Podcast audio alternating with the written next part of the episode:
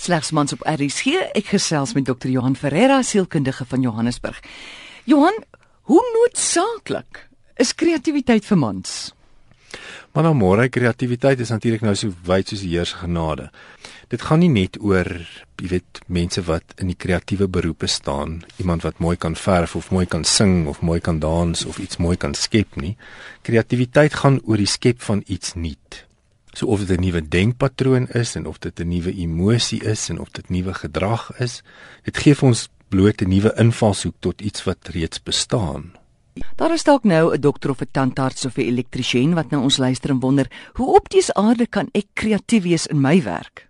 Dit begin baie keer met die behoefte dat my lewe of die aktiwiteit waarmee ek nou besig is moontlik vir my vervelig geraak het. Dit gaan daaroor dat jy op 'n nuwe manier moet begin dink. So of mens nou 'n kreatiewe ingenieur of 'n kreatiewe rugbyspeler of 'n kreatiewe violis is, dit gaan daaroor dat jy 'n nuwe emosie moet beleef, dat jy 'n nuwe invalshoek na die aktiwiteit moet kry. Dit beteken soms dat jy 'n nuwe konsep sal moet probeer uitdink of dat jy 'n nuwe tegniek sal moet probeer uitdink, net 'n nuwe manier probeer vind vir dit wat jy dan nou reeds doen. Kreatiwiteit gaan natuurlik nou nie daaroor dat mens altyd die antwoord vind nie. Dit gaan oor die proses.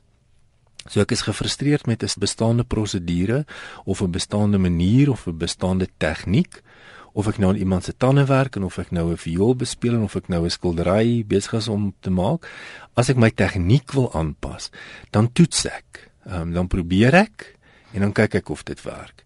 En dis in die proses wat ek dan die kreatiwiteit beleef en dis 'n nuwe emosie vir baie mense wat hulle baie geniet. Dis vir hulle baie lekker. Wat doen daai emosie aan 'n mens? Kan jy sê dit bring 'n man in voeling met sy sy siel op 'n manier? Dit dit maak net 'n nuwe deur oop in terme van dat daar iets uit myself uit kan kom met kennis wat reeds bestaan. So as ek die bestaande kennis vat, my bestaande vaardighede vat en ek kyk op 'n nuwe manier daarna en ek begin bloot eksperimenteer. Ek verstel en ek herstel die gedagte in my kop. Wat van ek kyk na die situasie so.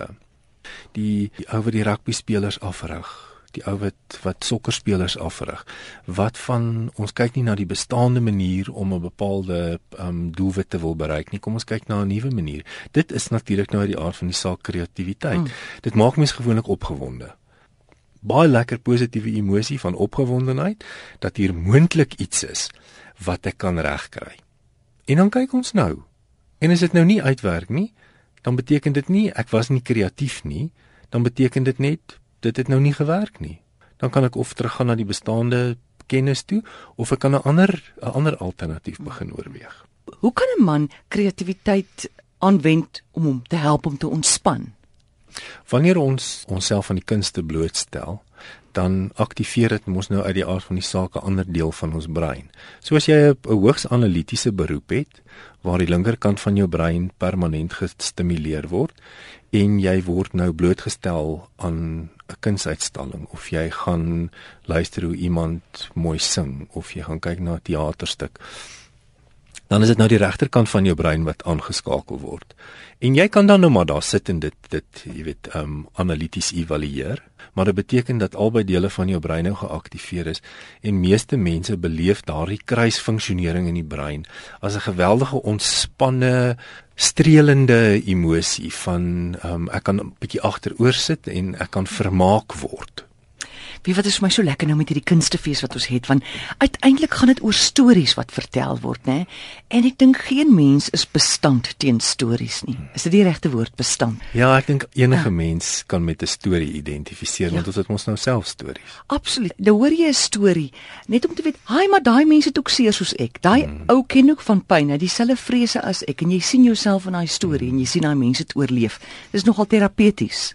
Dit is so en kyk, ons kunstenaars is mos nou uit die aard van die saak kunstenaars, so hulle weet hoe om hierdie goed tot in ons hart en tot in ons brein te praat.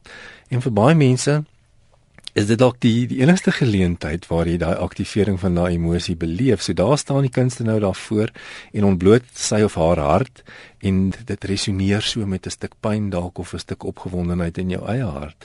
Wat dit moontlik losmaak. So jy weet kuns is is uit die aard van die saak terapeuties vir vir vir meeste mense. Baie lekker en positief.